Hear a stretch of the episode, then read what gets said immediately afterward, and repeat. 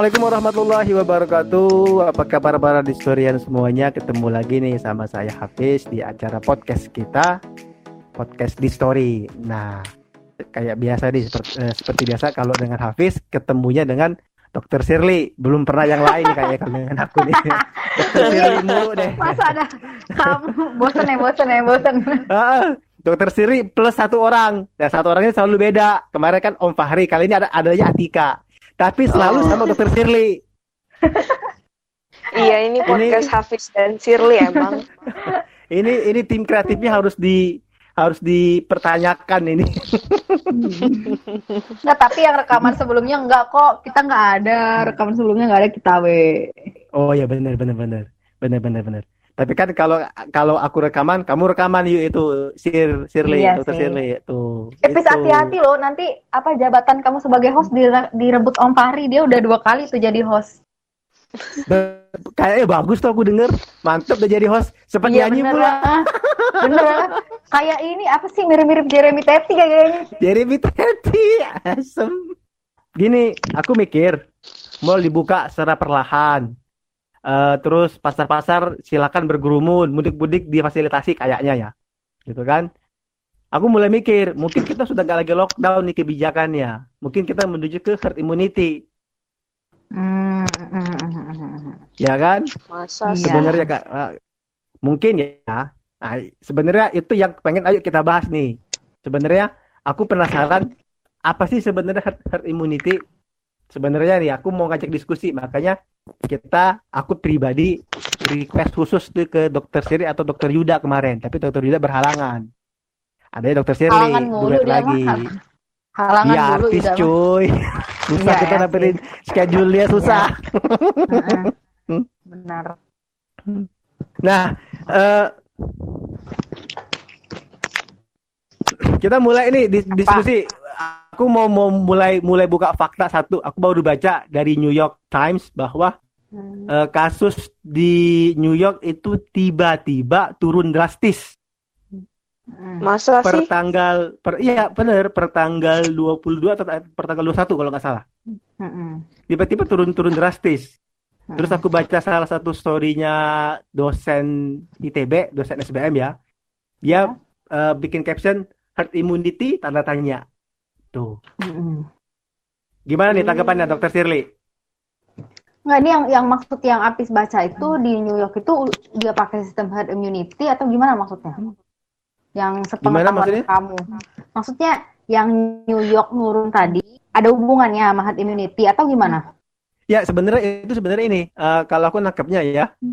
eh sebabnya itu belum tentu belum tahu apakah apakah karena lockdown ya Hmm. atau memang eh karena benar-benar dropnya ter- benar-benar drastis nggak nggak yang menurun secara perlahan gitu Hmm. dari kalau nggak salah aku baca dari 900 eh, per minggu lalu minggu ini tinggal 100 gitu Tur- turun itu berkali-kali lipat benar-benar signifikan dan sekarang menurut eh, yang, yang aku baca para pekerjanya itu bilang rumah sakit ini sekarang silence diam hening karena pasien COVID-nya nggak ada dan dan karena Oh. cuma lima pasien COVID Hmm. kan pasien-pasien lain nggak ada yang masuk takut Iya, makanya pada benar. kosong ruang-ruang ICU-nya kosong ruang-ruang apa bed-bednya kosong gitu loh rata-rata udah pada sembuh dan nggak ada kasus baru eh sorry kasus baru ada tapi nggak banyak Hmm. jadi benar-benar jomplang antara bulan lalu yang hektik banyak yang mati Bandingin yang banyak yang sekarang. meninggal ah. sekarang Hmm. udah kosong gitu loh Hmm. Ah, apakah perubahan drastis ini nih karena eh, kebijakan lockdown yang diambil oleh gubernur New York atau memang herd immunity sudah mulai terbentuk Oh gitu. Eh, sebelum itu kita ta- kita samain persepsi dulu aja nih. Eh, aku mau nanya Tika deh. Sepemahaman Tika herd immunity itu apa? Nanti kalau misalnya em, ada agak men- menceng-menceng nanti aku benerin. Tapi kita harus paham dulu di sini herd immunity itu apa gitu. Eh, yang aku tahu herd immunity itu kan kayak kekebalan kelompok ya. Di mana di suatu kelompok, di suatu populasi, itu sebagian besar eh, populasinya itu sudah kebal atau udah punya antibodi terhadap eh, suatu virus tertentu gitu. Sehingga uh, virus tuh jadi bingung mau nyerang siapa gitu. Akhirnya karena Virusnya bingung, bingung. iya virusnya bingung. Akhirnya nggak ada yang sakit deh, gitu. Benar katamu menarik banget, Tik. Virusnya Iya, bingung. enggak tapi tapi itu benar sih, benar benar benar banget yang maksud dimaksud Tika itu be- benar. Nah, yang yang di fase awal tadi yang beberapa di populasi itu udah banyak yang kebal, jadi ibaratnya tuh virusnya nggak bisa menginfeksi lagi. Jadinya bingung mau infeksi siapa karena udah pada kebal semua gitu. Itu maksudnya itu sih.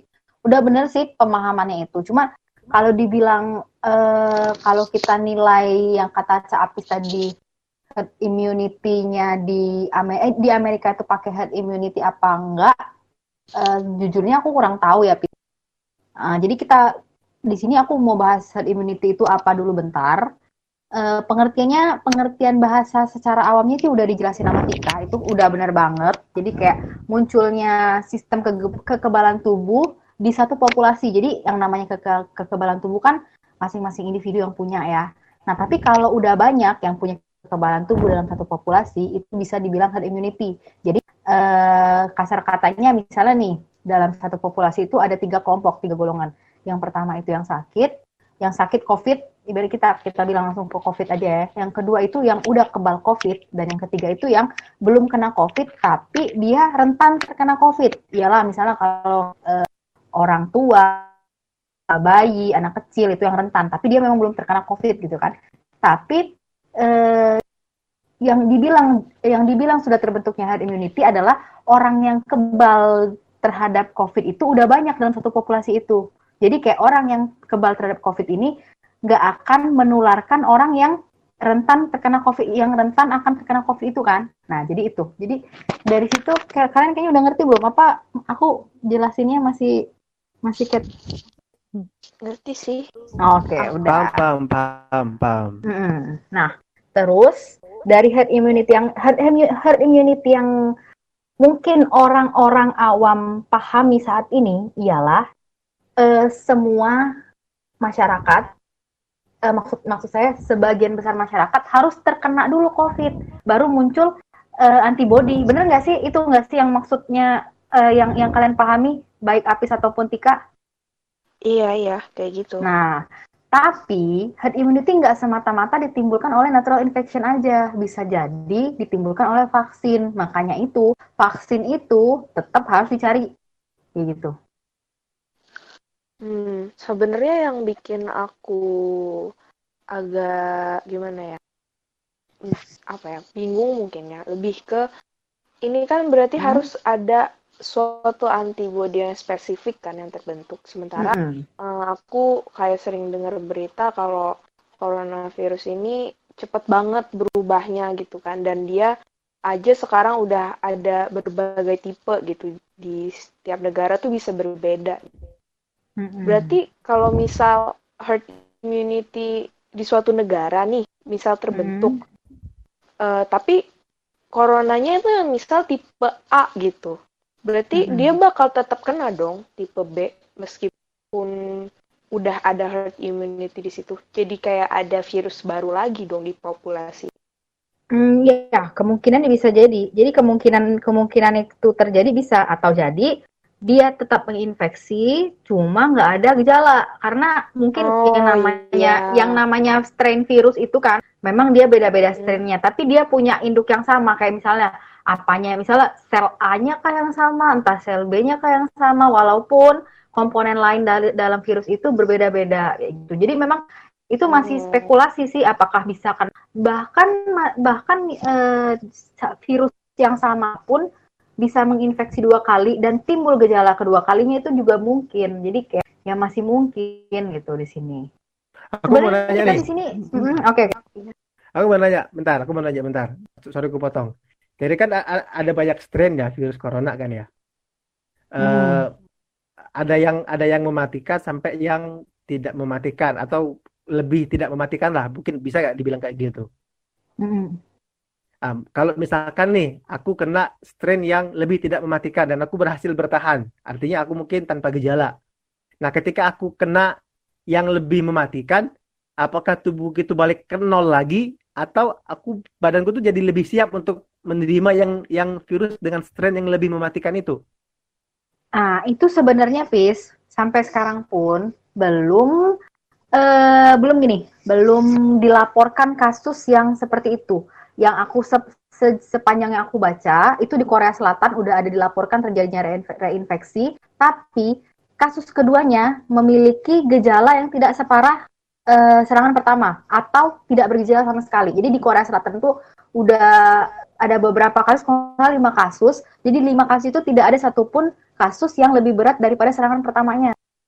Gitu. Oh, kalau dia kok kalau kalau di ini ya mendingan gitu waktu Iya, kalau di Korea Selatan kalau di Korea Selatan sih gitu laporannya. Makanya eh, makanya kayak itu merupakan kayak apa sih ya? Kayak lilin lah ya.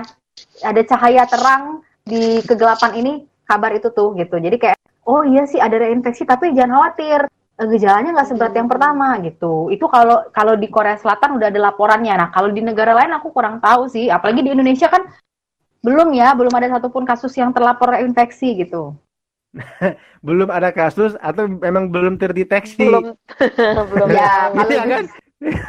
Bisa jadi dia udah sembuh tapi masuk lagi, tapi karena ngerasa nggak ada gejala, ya nggak dilaporin.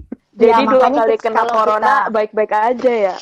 Iya, makanya kalau kita bicara tentang kasus novel, kasus baru itu kita nggak bisa menyadur dari kasus hmm. pemerintah kita, negara kita maksudnya. Harus harus dari negara lain karena ya dari tahap prevention sama screening aja kita ya, masih ya, jauh beda, tertinggal. Kalah kalah jauh kita ya.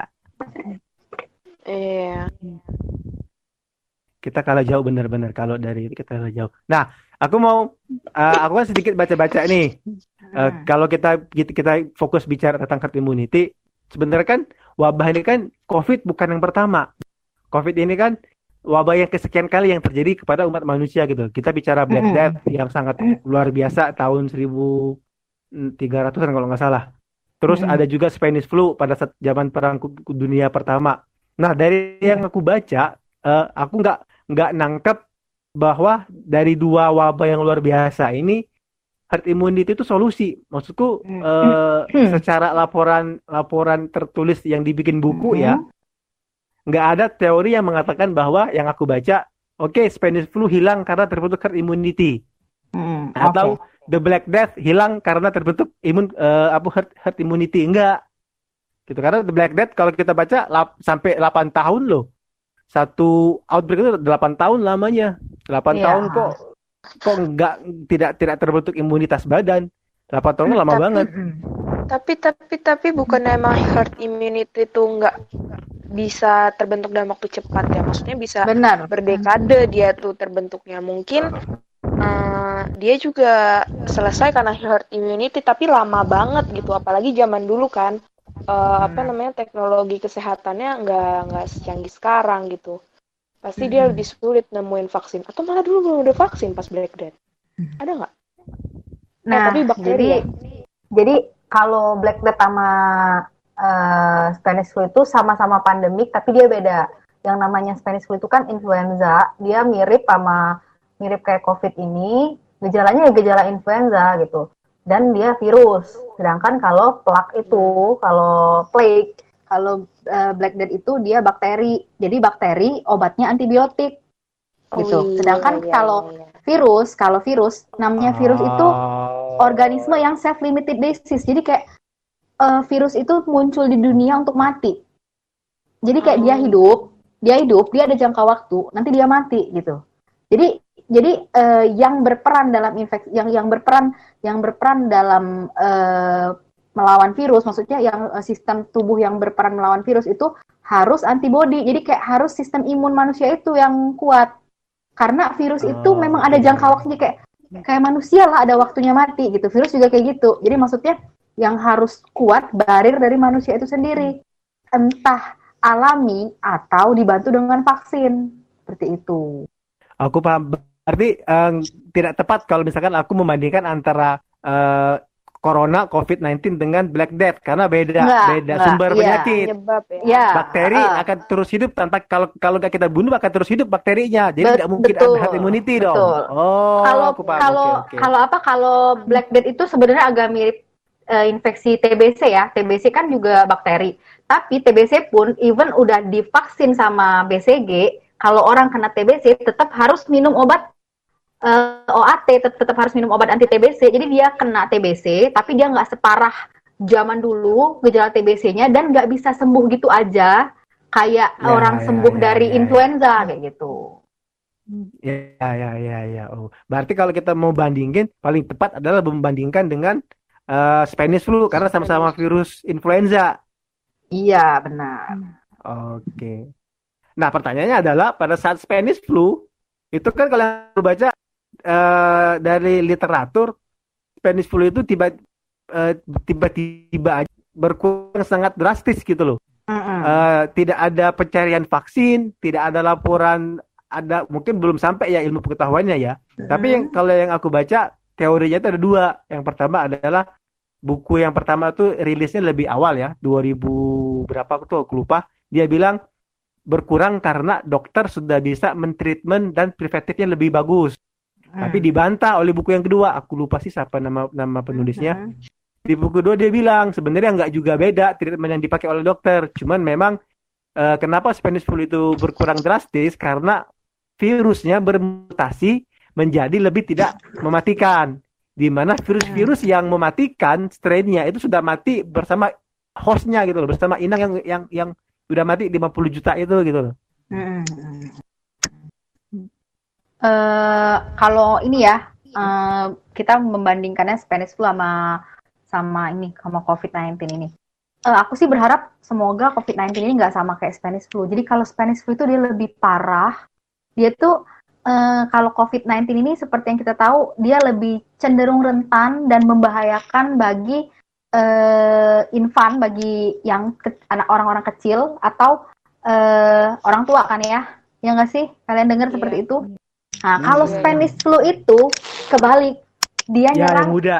iya dia nyerang oh. orang yang dengan sistem imunnya kuat dia kuat, nyerang orang-orang yang produktif Ya itu itu ya, itu, itu itu itu itu uh, pokoknya menyeramkan banget. Jadi yang meninggal itu orang-orang produktif semua pada saat itu. Yang waktu serangan second wave ya PCA yang yang paling ya, berat kan. Uh, uh, hmm. Nah, paling, jadi paling nah kalau aku aku juga udah udah baca-baca sih yang menurut teori yang Apis baca itu. Nah, kalau dari kacamata kedokterannya, Pis, Spanish flu itu hilangnya karena herd immunity. Jadi satu-satunya kasus yang dengan herd immunity via natural infection itu Spanish flu. Karena vaksinnya tidak ditemukan, uh, obatnya tidak ada, tapi sembuh sendiri. Nah, tapi apa? Maksudnya konsekuensinya apa? Sepertiga populasi dunia meninggal. Iya, jadi Gila. itu harga yang kita ambil untuk mendapatkan herd immunity itu sepertiga populasi dunia meninggal. meninggal. Ya kalau dari kacamata kedokterannya itu Spanish flu itu uh, herd immunity, piece. Jadi aku oh, udah cari-cari tahu juga um, satu-satunya kasus herd immunity yang pakai natural infection itu Spanish flu. Hingga Berarti sampai memang... sekarang pun belum ketemu vaksinnya apa. Berarti uh, memungkinkan untuk corona ini ya memungkinkan terbentuk immunity massal dalam dalam waktu yang singkat, mungkin 1 sampai dua tahun. Tapi dengan Benar. kos kita harus siap-siap bayar kosnya gitu uh -uh, aja kan. Gitu, iya. Kosnya terlalu ya itu tapi tapi bukannya kalau mau mencapai herd immunity itu paling nggak 70 sampai 90 persen uh, orang di kelompok itu harus terinfeksi ya? Betul. Kan, kan penduduk kita tuh sekarang aja udah 7 miliar lebih gitu loh. Tetap aja nggak mm -hmm. sih mahal juga meskipun singkat kalau mau pakai herd immunity tetap nyawa uh, orang jadi, bukan angka doang. Jadi herd immunity ini nggak bisa dalam waktu singkat didapat kalau mau via natural infection. Hmm. Karena memang apa sih itu tadi kan Atika tadi bilang dari pertama kan kayak apa sih mesti banyak dulu yang terinfeksi. Terus habis dari infeksi orang tuh juga harus kebal kan. Jadi kan orang kena infeksi hmm. itu kemungkinannya dua. Win or lose. Kalau kalah ya lu mati, kalau menang ya kebal gitu. Dan di di COVID COVID-19 ini pun pula orang yang udah kena COVID itu belum tentu imun, belum tentu kebal terhadap infeksi sebelum selanjutnya. Gitu. Jadi kayak masih penuh tanda tanya. Jadi memang kalau di kalau di negara yang udah maju banget itu, maksudnya dia dia yang yang, yang maksudnya yang ilmu kedokterannya udah canggih ya. dia lebih ke jor-joran mendorong eh, perusahaan farmasinya untuk nge- nyari vaksin. Iya benar benar vaksin benar aku baca baca juga mereka Iya. jor-joran ngasih Karena biaya untuk kan vaksin Cara mendapatkan herd immunity tuh bisa dengan vaksin atau dengan tidak vaksin kan. Kalau dengan adanya vaksin, eh, kita bisa mengurangi jumlah korban yang jatuh lah gitu. Karena kan emang kena tapi nggak sakit gitu. betul. Iya, tapi kan tetap butuh waktu juga ya nunggu vaksin ini ada. Ya sebenarnya gini kalau bingung ya, juga nggak menurutku sih? Tik. menurutku gini ya, kalau aku ngelihat ya, kalau kita kalau aku kan termasuk orang yang percaya dengan sejarah akan terulang. Jadi Oke. kalau kalau ka- kalau estimasi tercepat vaksin ketemukan tahun depan, Iya. ya kan? Mm-mm. Nah, kalau kita lihat Spanish flu, rentang waktu itu 1918 sampai 1920 kalau nggak salah. Mm-mm. Dua Sekitar tahunan dua ya. tahun, dua tahun. Berarti kita, kalau kita berkaca ke Spanish flu, ketemu atau nggak ketemu dengan vaksin, kita akan kena natural eh, in- apa natural Selection. selection karena dalam jangka waktu yang sama kan dua tahun. Benar, iya, ah, mau nggak mau kena. Jadi nanti bayanganku ya, ada kemungkinan skenario di mana vaksinnya ketemu tapi telat. Gimana? Terlalu Iya, banyak nanti yang jadi korban gitu udah maksudnya. banyak duluan jadi korban gitu loh. Hmm, Kalau kita ini ya, ya. kalau kita kalau kita asumsinya asumsinya eh, negara mene- apa eh, menerapkan kebijakan herd immunity. Artinya kan sekolah-sekolah masih Hmm. terus, bisnis masih jalan kayak biasa, Mm-mm. kayak biasa. Itu kan praktek itu kan yang terjadi pada saat Spanish flu gitu loh. Media kan media itu eh, meng- memblurkan eh, berita tentang penyakit ini karena kan masih perang dunia. Ada fokus yang lain. Jadi semuanya masih kayak biasa, makanya luar biasa infeksinya. Nah, sekarang kalau kita berasumsi yang sama, itu vaksin bakal ketemu, tapi telat. Udah kebanyakan yang mati. Benar sih. Setuju. Ada Iya kan? bisa sih itu jadi suatu skenario ya. Cuman terlalu mengerikan gak sih? Iya memang itu jadi kayak aha, benar-benar mengorbankan banyak orang kalau mau menggunakan herd immunity yang via apa sih via natural infection. Jadi aku ngerti maksud Apis. Jadi eh, mau dalam usaha pencapaian vaksin pun tetap nanti ada natural selection. Tapi Pis, natural selection itu bisa dicegah kalau kita tetap stay at home dan PSBB. Tapi mau sampai kapan Mbak Shirley? Nanti aku lulus master lewat online berarti ya. Iya, kan, harus milih, emang harus milih, semuanya harus milih, nggak harus semuanya semuanya ada konsekuensi, Hmm, semuanya harus iya, ada konsekuensi. Ya, ya, iya, iya, ya, iya. ya, ya, ya. Tapi Ini, kan ah, gimana? Aku dulu atau coba dulu silakan, Boleh, Tik. boleh. Ayo, Tik, ayo, Tik. Gini sih, kan kayak pemerintah kita dan mungkin pemerintah negara lain atau semua orang lah di dunia ini udah kayak kita bakal menghadapi new normal gitu. Berarti kita akan eh, melakukan suatu gaya hidup baru gitu supaya eh, roda ekonomi itu juga tetap jalan ya kan. Berat, tapi dengan cara seperti itu tuh sebenarnya mengarah ke herd immunity juga nggak sih? Maksudnya kan kita nggak mungkin selamanya akan lockdown gitu. Dan dengan adanya aktivitas yang seperti biasa, apa pun itu namanya, itu goalsnya tetap herd immunity nggak sih? Iya, jadi kan kalau kayak apa sih? Sebenarnya seiring kita mencari vaksin, pemerintah ya juga kayak kalau menurut aku ya, kalau menurut aku pribadi sih PSBB tetap, cuma kayak eh, berbatas gitu. Populasi yang yang rentan, yang rentan terinfeksi, yang susceptible, yang akan maksud itu eh, fatal jika terkena infeksi itu total diistirahatkan di rumah, nggak boleh keluar-keluar. Tapi kalau kayak kalau kayak eh, usia-usia produktif yang masih sistem imunnya kuat itu nggak apa-apa dibiarin beraktivitas normal tapi dengan menggunakan itu tadi pakai masker, cuci tangan. Tapi tetap kayak kendaraan tuh eh, cuman isinya dua orang gitu-gitu. Jadi kayak eh, tetap ya kalau menurut aku PSBB sih harus tetap sih tiket toh kita PSBB nggak di, nggak nggak dilarang keluar sama sekali kan tetap Ya, di tetap keluar Eh, eh. Kalau orang Iya. kerja tetap ada yang kerja gitu sekarang Iya ini sih. sekarang ini jujur aja deh di sosial media itu orang masih kerja di rumah sakit, orang masih kerja di kantor, orang masih ngantor segala macam.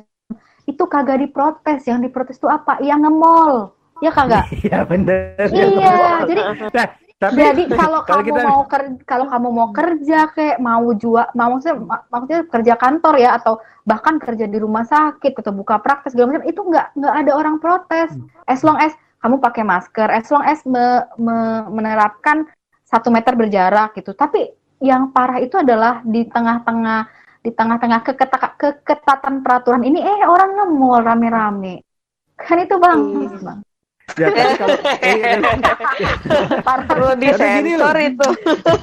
gini loh, eh, si Shirley gini, cuman kan eh, kita tetap ini kalau kita agak menyimpang ya bicara dikit ya, kan tetap juga ada orang-orang yang kerjanya di mall. Nah, aku baru mau ngomong itu. Maksudnya itu kan bagian dari mata pencaharian mereka gitu. Iya, Ya, gitu loh. dilema juga kan. Mereka juga mau Dilema kerja gitu ya. loh. Tapi Ya, jadi- deh kepanjangan. Iya sih. Terlalu melenceng kita kalau bahas itu. Sebenarnya topiknya seru banget sih, tapi kalau dijelasin kita bisa tiga hari jelasinnya. Bener, bener. itu nanti kita simpen deh. Itu kan masalah kebijakan segala macam kan. Cuman dari yang Iya. aku tangkap dari tadi yang aku kita bicara herd immunity terus ke lockdown ya. Kayak emang tujuan di lockdown itu bukan untuk menghilangkan virus, tapi emang untuk mengontrol. Iya memang Iya. untuk Iya kan? mengontrol, mengontrol untuk supaya penularannya lebih diturunkan, kayak gitu dan memang ke- memang itu memang memang benar-benar efektif di Korea Selatan itu sebelum dia sekarang mereka udah mulai beraktivitas tapi terbatas dengan menggunakan pelindung pelindung tubuh ya. Mereka kan menjalankan social distancing, menjalankan work from home, school from home, bla bla itu terbukti efektif menurunkan angka. Ya dan yang ini ya yang aku menarik dengan Korea Selatan itu mereka sanksinya nggak main-main. Betul. Eh, negara itu bisa jadi eh, aku ada dengar cerita satu eh, satu orang anak itu dia lagi lagi dalam masa karantina ya, tapi dia ngelanggar ikut ikut keluarganya jalan-jalan ke Pulau Jeju. Ternyata dia positif. Jadi satu Si anak itu, satu tempat ah si anak itu positif. iya anak itu positif. Jadi Hmm. satu tempat wisata itu di dikunci dan disteril kan terpaksa kan. Nah, Hmm. yang punya tempat wisata itu sama pemerintah itu bisa nuntut si anak itu karena kerugian yang dia eh, yang yang dia akibatkan karena dia melanggar aturan. Bayangin loh, berapa jutawan dia bakal kena, bahkan bisa puluhan jutawan dia kena dituntut. Gila ya. Iya, itu benar-benar kayak iya, dan itu di, Mm-mm. diakomodasi oleh pemerintah. Dan Memang kayak gitu gitu loh. Ya karena Sanksinya- apa ya? Eh, Negara-negara-negara kayak gitu tuh mandang nyawa orang tuh nggak gampang. Bener, Ini kayak- bener, bener, Hmm. bener. Iya, Dan juga kan mindset menurutku- juga sih sebenarnya itu. Kalau Mm-mm. lebih ngelihatnya itu ke kan orang baca bakal baca, baca berita nih. Gila, Hmm. cuy, gara-gara gua liburan bentar 30 juta won. Kalau kalau kita Iya. kalau misalkan gila cuma gara-gara ke Jogja 300 juta melayang dituntut masuk penjara. bener. ya gila Makanya, aja. ya di sini Kan di gitu sini kan? di sini memang peran pemerintah tuh harus kayak gitu, Pis. Namanya pemerintah kan punya hukum, hukum sifatnya mengekang. Jadi memang masyarakat kondisi sekarang emang harus dikekang, apalagi orang Indonesia yang apa-apa harus dilarang. Nggak dilarang aja, dianjurkan aja boro-boro diturutin, memang harus dilarang. Benar, Iya. benar, benar, benar, benar. Jadi kak, kan selama ini nih, selama ini masih anjuran PSBB, Iya, himbauan anjuran, PSBB, nggak ada, benar. bukan ada hukum, undang-undang, RUU, per- peraturan Perpu, perta- Perpu sementara tuh nggak ada, sanksinya nggak ada. baru ada tuh Kemarin aja Sarina, McD, Sarina, dendanya Iya, cuma itu. 10 juta. Terus katanya Itu, mau buka lagi ya, mau Allahu buka lagi. Nggak tahu dah. Nggak ngerti dah. McD segede gitu 10 juta. Iya, iya, Kali makanya ya. waktu acara itu dia dapat puluhan juta. Aku mau mau balik balik. Cuma kalau aku bahas lagi nih nyambung ke kebijakan, sebenarnya asik nih kalau kita bahas kebijakan kebijakan khusus ke ini ya kebijakannya ke kesehatan ya. Kita nggak nggak ke ekonomi nih karena panjang pasti. Kalau untuk yang ke, ke ini aja nih untuk yang ke kesehatan ya menurut Dokter Shirley kebijakan kita sekarang kayak gimana sih? Karena terus terang aku sekarang lagi viral nih Indonesia terserah. Iya. Dan aku nonton itu tuh terus terus terus terang miris sebenarnya. terus terang miris karena memang kasihan mereka gitu loh mereka tuh kasihan sebenarnya kalau mereka udah lepas tangan terserah mungkin memang nggak semua ya tapi Hmm. ada muncul video itu bukti bahwa mereka tuh frustasi gitu loh Jadi kebijakan di sini ya, uh, ini kebijakan di apa sih di Indonesia ini, aku nggak sepenuhnya membetul. Jadi memang tenaga kesehatan sekarang lagi diambang, diambang ibarat kala diambang jurang ya kalau aku bilang. Tapi eh, dari sistemnya, dari sistem kesehatannya kita kayak masih jauh kurang dari negara-negara lain. Itu yang pertama dari segi screening deh. Kita screeningnya itu belum jalan. Jadi I mean maksudnya kalau screening itu jalan, misalnya kayak gini yang pada ngumpul-ngumpul di McD Sarina tuh kita screening semua tuh. Itu kagak kagak pandang bulu. Ternyata ada nih yang positif mereka kan takut tuh ya nggak? Nggak mungkin mereka keluar ngumpul ke Sarina. Jadi maksud aku harusnya screening itu udah mengcover seluruh penduduk Indonesia biar orang tahu yang positif siapa yang negatif siapa. Baik yang positif harus stay at home atau dirawat di fasilitas kesehatan yang negatif pun jadi takut keluar karena mereka udah tahu yang positif tuh banyak banget gitu. Karena cukup nggak Eh. cukup nggak masalah kita buat ngetes screening semua orang itu ada nggak sih barangnya ya Iya, ada makanya nggak itu nggak ada, itu nggak ada, terus mana ini ada. Nah, Gitu. itu itu itu satu masalah nih. Terus masalah satu lagi nih kalau kita bicara masalah uh, alat tes. Aku Ya, baru dengar oke. nih, ini Ibu Siti Fadila yang ngomong bahwa alat PCR kita itu sebenarnya parameternya itu nggak cocok dipakai buat di Indonesia karena belinya dari Amerika katanya. Iya benar. Sedangkan Ya kan? strain Karena- virus kita juga beda. Beda. kan? Jadi kayak kayak kita ngimport baju ukuran badan orang Amerika yang tinggi 180 dibawa ke Indonesia yang rata-rata pendek-pendek. Nggak muat bajunya. Betul. gitu loh. Jadi aku mikir, jadi Nah, kalau- ini kalau yang kamu dengar, tapi kalau yang kamu dengar dari dari dari obrolan Ibu Siti Fadila itu dia maunya gimana? Kalau kita nggak beli dari negara lain, kita mau buat? Nggak mungkin. buat Ya dia kan? bilang buat Ya, sih kalau- Kalau dia bilang tuh dia buat, karena dia bilang kita mampu katanya. Karena beliau mungkin dia dia pengalaman ya, jadi Hmm, hmm, kesehatan hmm, dia tahu hmm. dengan ini kita mampu sebenarnya. Bahkan bikin vaksin pun kita mampu, tinggal political will. Hmm. Nah, kalau kita bicara Oh, political oke. will, nah, kalau kita bicara Oke. political will udah beda. Iya. Hmm. Iya kan, political will-nya ke mana gitu loh. Hmm. Kita udah kita sudah nggak lagi bicara objektif kalau sudah bicara pol- political will kita beda lagi. Ya kalau kalau udah bahas politik aku mah angkat tangan ya kagak ngerti. Tapi aku kalau masalah mampu dan bisa dan jangka waktunya nggak lama ya sok buat harusnya. Harusnya bangsa Indonesia buat. Bayangin deh bayangin ya. Amerika itu nyiap, menyiapkan dana 1,2 billion dolar. Mm-mm. 1,2 billion dolar loh untuk ke vaksin ini. Billion. Hmm. billion bukan million ya billion. Amerika pemerintahnya atau Am- pemerintah Amerika yang aku baca ntar aku lihat cari lagi deh Oh, ininya. Masih nggak sih aku dibuka? Oh udah udah sudah aku close ini ya dari aku baca juga dari New York Times. Dia ya nyiapin, kita dia, dia nyiapin gitu loh. eh, betul pis tapi kita nggak bisa ngebandingin negara kita yang cimiwit ini sama negara adidaya kayak Amerika tapi sebenarnya gini Mereka- mereka mereka uang mereka habis. Mereka tinggal nagih itu utang dari negara-negara lain yang mereka utangin. Maksudnya gini kalau sadar sadar atau sadar kebijakan kita tuh mirip dengan Amerika sebenarnya. Mirip banget. Aku baru sadar sekarang nih. Aku baca-baca gila ini mirip banget dengan Trump. Mirip Hmm. banget. Dari awal kita denial. Trump juga awal-awal denial. Iya iya benar udah- benar udah benar, heboh. benar. Udah heboh Betul, dia betul, betul. dia admit oke ini coronavirus threaten our life gitu benar betul, mengancam betul, betul.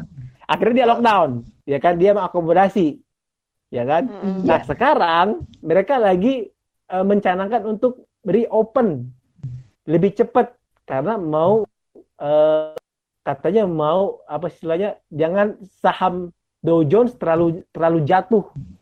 Bayangin loh, ingin nyelamatin saham loh. Nah, tapi kamu baca nggak kebijakan mereka PSBB sama nggak kayak Indonesia? Aku aku aku eh, nggak nggak tahu ya, aku nggak baca. Pis. Jadi maksudnya kebijakan mereka PSBB, kebijakan mereka melockdown eh, masyarakatnya itu sama nggak sama kayak Indonesia? Aku kurang tahu ya, cuman aku ngelihat arah besarnya ya. Maksudnya kronologinya. Kronologinya kan Hmm. mirip. Kronologi itu kan teknis ya. Kan Kalau- tiap, iya. tiap kan beda. Tuh beda. Eh, Heeh. Masyarakatnya beda kan. Tapi kalau kita lihat Iya. kronologis ya kan gitu. Sekarang kita kan sudah mulai eh, sudah ada aku ingat ada yang nge-share di ini ada kita tuh nanti ada empat fase di akhir fase itu di bulan Juli kalau nggak salah. Itu sudah Mm-mm. eh, bisnis almost as usual. Iya, banget ah, ada- ada yang- mirip banget. Yang apa sih yang yang itu ya, yang apa rencana perbaikan ke, ke, ke- kehidupan ekonomi Iya, ya? Aku juga Iya. udah lihat lihat tuh. Iya bener itu. Itu parah banget sih. Itu tanpa melihat korban yang kena tanpa melihat korban yang kena ya. Mbak Sirli, Ya, tapi kalau misal itu dijalanin dengan gaya hidup sehat, terus kita tetap phys- physical distancing, make masker segala macam, kira-kira aman atau enggak ya? iya jadi kan jadi gimana eh, tuh? ini ya. Mungkin itu bisa an- dilakukan atau enggak? Ah, jadi gini, kalau kita mau ngambil skenario herd immunity, itu ada tiga kemungkinan. Yang pertama itu kita melakukan prevention, continuous preventing. Jadi kayak kita melakukan pencegahan terus. PSBB total, lockdown total, itu sangat berpotensi untuk mengurangi orang yang terinfeksi. Otomatis kan, kalau semua orang stay at Iya. home tuh, pokoknya intinya angka angka apa angka infeksinya akan berkurang drastis gitu. Tapi otomatis roda ekonominya itu bisa berhenti gitu, Mm-mm. ya kan? Nah, atau yang sisi sebaliknya kita nggak ada prevention, Eh, masyarakat dibiarin aktivitas kayak biasa aja.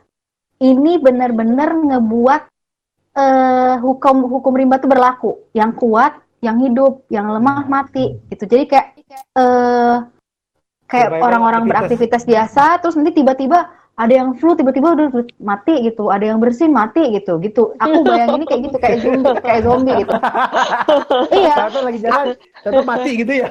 iya aku, aku dengan kondisi Indonesia loh, orang Indonesia kan, orang Indonesia kan, maksudnya orang Indonesia kan masih ada yang sepakaian masker lah, pokoknya yang yang masih nggak aware dia sakit atau enggak bisa aja orang tiba-tiba jalan nanti tiba-tiba Iya, dia iya. mati, itu bisa aja terjadi. Ada juga yang Tapi, sakit tapi maksa eh, per- kerja ada. Benar, tapi Hmm. perputaran ekonominya mungkin mungkin akan normal. Maksudnya kayak biasa. Tapi ini ini juga masih spekulasi ya, belum tentu akan normal gitu. I mean, ini maksud aku Iya. kayak eh, kemungkinan akan normal atau skenario yang di tengah. Nah, skenario yang di tengah ini yang sebenarnya eh, banyak diambil oleh negara-negara lain. Jadi kayak nggak ada negara yang murni mengketatkan lockdown, nggak ada. Nggak ada negara yang murni me- mengambil kebijakan Membebaskan. immunity, iya membebaskan itu nggak ada. Ah, iya, Mereka iya, iya. sebenarnya pemerintah pemerintah pemerintah negara mana pun nggak ada. Itu kayak mereka gila aja mau bunuh apa? Membunuh membunuh kegiatan ekonomi atau membunuh hmm, populasinya gitu. Kayaknya kayak eh, ada pilihan di tengah, kenapa nggak ambil yang di tengah? Yaitu tadi PSBB-nya eh, lockdown-nya dilakukan terbatas. Beberapa kaum yang eh, rentan terkena infeksi dirumahkan. Kegiatan ekonomi yang vital tetap dijalankan. Dan Benar, benar. kalau sesuai dengan aturan pemerintah, aturan pemerintah mana pun, yang namanya lockdown itu masyarakat harus dapat kompensasi. Kompensasi di sini uang, beneran uang, uang untuk kehidupan sehari-hari, gitu. Berarti memang jalan terbaik tuh ya yang di tengah ya, Mbak. Iya. Maksudnya kita nggak bisa total lockdown, kita nggak bisa bener-bener ngebebasin. Mm-mm. Benar, Apis. Pis. Yuk. Kak, ini kalau kalau menurut pengal pribadi ya, sebenarnya ini ujung-ujungnya Hmm. duit. Jadi kayak gini. jadi duit? Iya, jadi gini, kalau misalnya ya, misalnya eh, nggak ada masalah uang, itu nggak ada, misalnya kayak kita misalnya di provide pemerintah total dikasih uang gitu, uangnya pokoknya sebulan sekali dapat uang lah, makanan terjamin, apa apa terjamin gitu, Ke- kehidupan pokok terjamin lah gitu. Dan misalnya pemerintah totally menutup akses untuk belanja, toh nggak ada kan? Mau ditutup ngapain orang ke mall kalau mau ditutup? Ya nggak sih? Ya, benar. Iya, gitu. Jadi ada ada supply, jadi demand-nya ada. Karena orang jualan di mall, jadi orang pengen ke mall. Mbak, tapi di mall itu barang-barang tersier loh. Benar, benar juga tuh. Bukan Maksudnya gini, yang Iya, disuplai iya. itu kan barang-barang Mak- jadi- primer. Makanya itu kenapa orang buka mall, Tika? Karena orang mau jualan, karena orang mau nyari duit. kalau dia nggak Iya. ada keinginan cari duit Oh, I see. Iya, iya. iya Bisa. Ah, Tapi kalau iya, menurut iya, aku iya, itu iya. hanya berlaku untuk penjual-penjual kecil. Gimana kalau yang punya mall? yang punya mall itu Iya. enggak Yang punya mall itu yang punya mall itu supply dari pemerintah mah debu doang, iya benar yang punya mall ya kan? eh, eh emang kalian kira yang punya mall gak punya utang banyak utangnya tahu banyak utang yang punya mall iya ya jadi memang memang itu sebenarnya sih. memang memang sebenarnya eh, tidak bisa tidak berkorban sebenarnya kalau menurutku ya. Pasti Tidak ada yang berkorban. terkorbankan lah pasti ya. ada Tinggal yang, pilih ah, yang mana. benar. Menurutku, Eh, jadi kayak eh, jadi menurutku tinggal pilih yang- skenario yang mana. Ya menurutku gini yang lebih mampu bertahan harus rela bertahan gitu loh. Buat menyokong yang nggak bisa bertahan sebenarnya. Hmm benar benar. Gotong Gitu royong konsep, gitu ya. ah, konsep sosialnya harus ada. Kita kan bukan negara kapitalis. Masa? Kan iya benar. Kita bukan negara kapitalis kita itu. bukan makanya kapitalis aku cuy. makanya aku tadi aku bilang kebijakan lockdownnya sama nggak? Nggak mungkin kebijakan negara kapitalis sama kayak kebijakan negara eh, republik kayak kita gitu Nah, aku kurang tahu ya. Cuman eh, dari yang ku baca-baca lockdownnya memang bagus sih. Be- begitu dia lockdown memang pada sepi jalanan dari berita-berita yang ku lihat ya. Padahal sepi jalanan eh, New York sepi. Cuman memang nah ini beda lagi deh macam-macam loh yang di yang diteliti oleh orang barat itu macam-macam. Hubungannya infeksi corona dengan warna kulit hitam Ada ada aja ya. ada Iya, bener, mereka- serius ada mereka. Jadi kayak mereka memang nah terus kan pokok aku kalau kalau mau bahas bahas bahas apa spekulasi teori-teori baru tuh kayak banyak banget mengenai covid ini banyak dan sangat banget. menarik belum Fis. lagi kalau bahas tentang Iya. hubungan dengan cuaca. Bener bener. Itu ini terlalu menarik sebenarnya. Kayak terlalu aduh nggak bisa habis. Kayak tiap hari tuh ada ilmu baru mengenai ini. Walaupun masih spekulasi dan masih da- da- masih tahap pre-proof jurnal tapi tetap menarik kayak gitu menarik untuk dicari tahu. Iya. Tapi ya berharap aja semoga nggak kayak Spanish flu lah intinya Enggak, Iya, kalau, kalau, kalau, kalau aku sih nangkapnya enggak karena kenapa? Kita punya kelebihan ilmu pengetahuan dan kelebihan eh, sejarah. Kita, kita tahu Spanish flu seperti apa. Dan kita punya senjata yang mereka nggak punya. Sebenarnya ilmu pengetahuan ya ilmu pengetahuan kita udah tahu nih ada vaksin, sequencing, ya kan? Ada Iya, treatment ini, benar. treatment itu beda. Makanya makanya aku Betul. ngerasa kalau kita eh, infeksinya itu lebih banyak atau sama dengan Spanish flu berarti kita mah bego. Bukan Benar. kita yang pemimpin pemimpin kita yang bego. Emang gak ada habisnya ya bahas ini. Jadi ke mana-mana. Benar. Cuman ya kalau aku nangkep silver liningnya ya, silver liningnya bahwa totally herd immunity itu impossible. Mm-mm. Ya kan impossible karena costnya terlalu besar, nggak mungkin mau mau ngebunuh 70 30% dari total yang terinfeksi kan nggak mungkin. Bukan manusia Betul. itu namanya. iya Gitu loh. Ah, jadi Total lockdown juga eh, nggak mungkin. mm-mm. Jadi memang Jadi kayak, bener sih. Eh, for information aja eh, kalau kita mau mencapai herd immunity di Indonesia sesuai angka case fatality rate-nya jadi Indonesia itu sekitar 70% masyarakatnya harus kebal dan artinya 30% masyarakat Indonesia jadi korban. Nah, Iya. Gila. Kalau 30 Korban di sini bukan korban di sini bukan korban sakit ya guys, meninggal. Iya, meninggal. Benar-benar sekitar 60 meninggal. Sekitar 60 juta lebih dong. Kalau kita Iya, Iya kan gila kan 60 juta. gitu. Emang kayak gitu. Oke lah ini kayaknya kita udah kelamaan, makin lama kita bahas makin melebar ini Dokter Shirley sama Tika. ini bisa banget dibahas dari situ ke arah kebijakan, kebijakan anggaran ke arah mana setengah Ya ah, nanti panjang kebijakan deh. ini aja lah sama Om Fahri aja lah dia yang lebih ber Boleh, boleh, berbijak, boleh, boleh, boleh. berbijak. Dia Ada, lebih ada. bijak. Mungkin dia lebih tahu masalah anggaran-anggaran kan.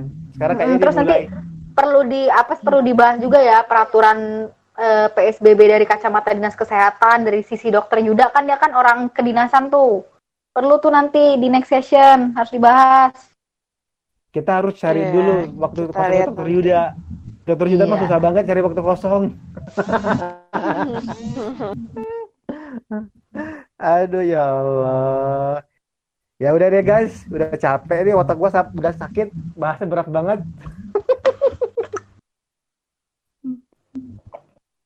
Tuben kita bahasannya rada berisi, rada keren, rasanya sih rada keren.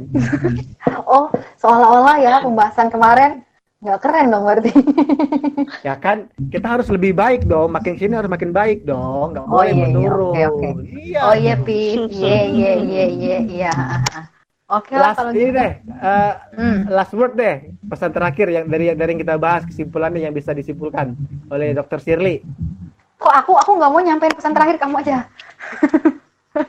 Lah, gimana sih? Gak berani ya, Bu. ya udah kalau gak berani. Jadi, teman-teman yang dengar, sobat historian, simpulkan sendiri ya, silver liningnya apa dari, dari apa yang kita bahas. ya, ya, eh nggak boleh gitu ya. Jadi intinya, jadi intinya, jadi Stay pokoknya at home udah itu aja Iya, intinya. tetap gitu. Jadi jadi sebenarnya eh, kita juga harus tetap positif kepada pemerintah ya. Jadi kayak kalau pemerintah menganjurkan apa ya kita patuhin Ya, gitu. Setuju. Ya, aku yakinnya kayak gitu sih.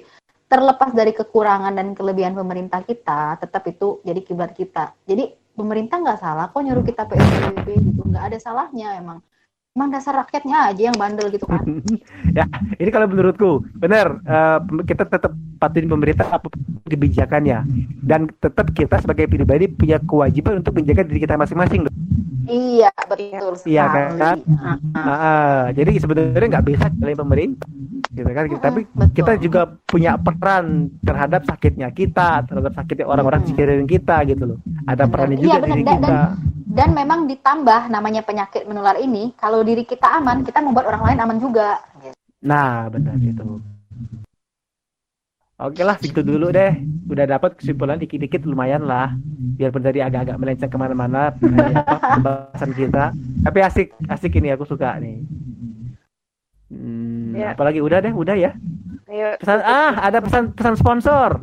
Sobat historian jangan lupa subscribe, like dan komen. Eh, bukan YouTube ini. itu mandatory tik. Sebelum itu closing harus gitu tik. Iya, tapi bukan YouTube Instagram ini.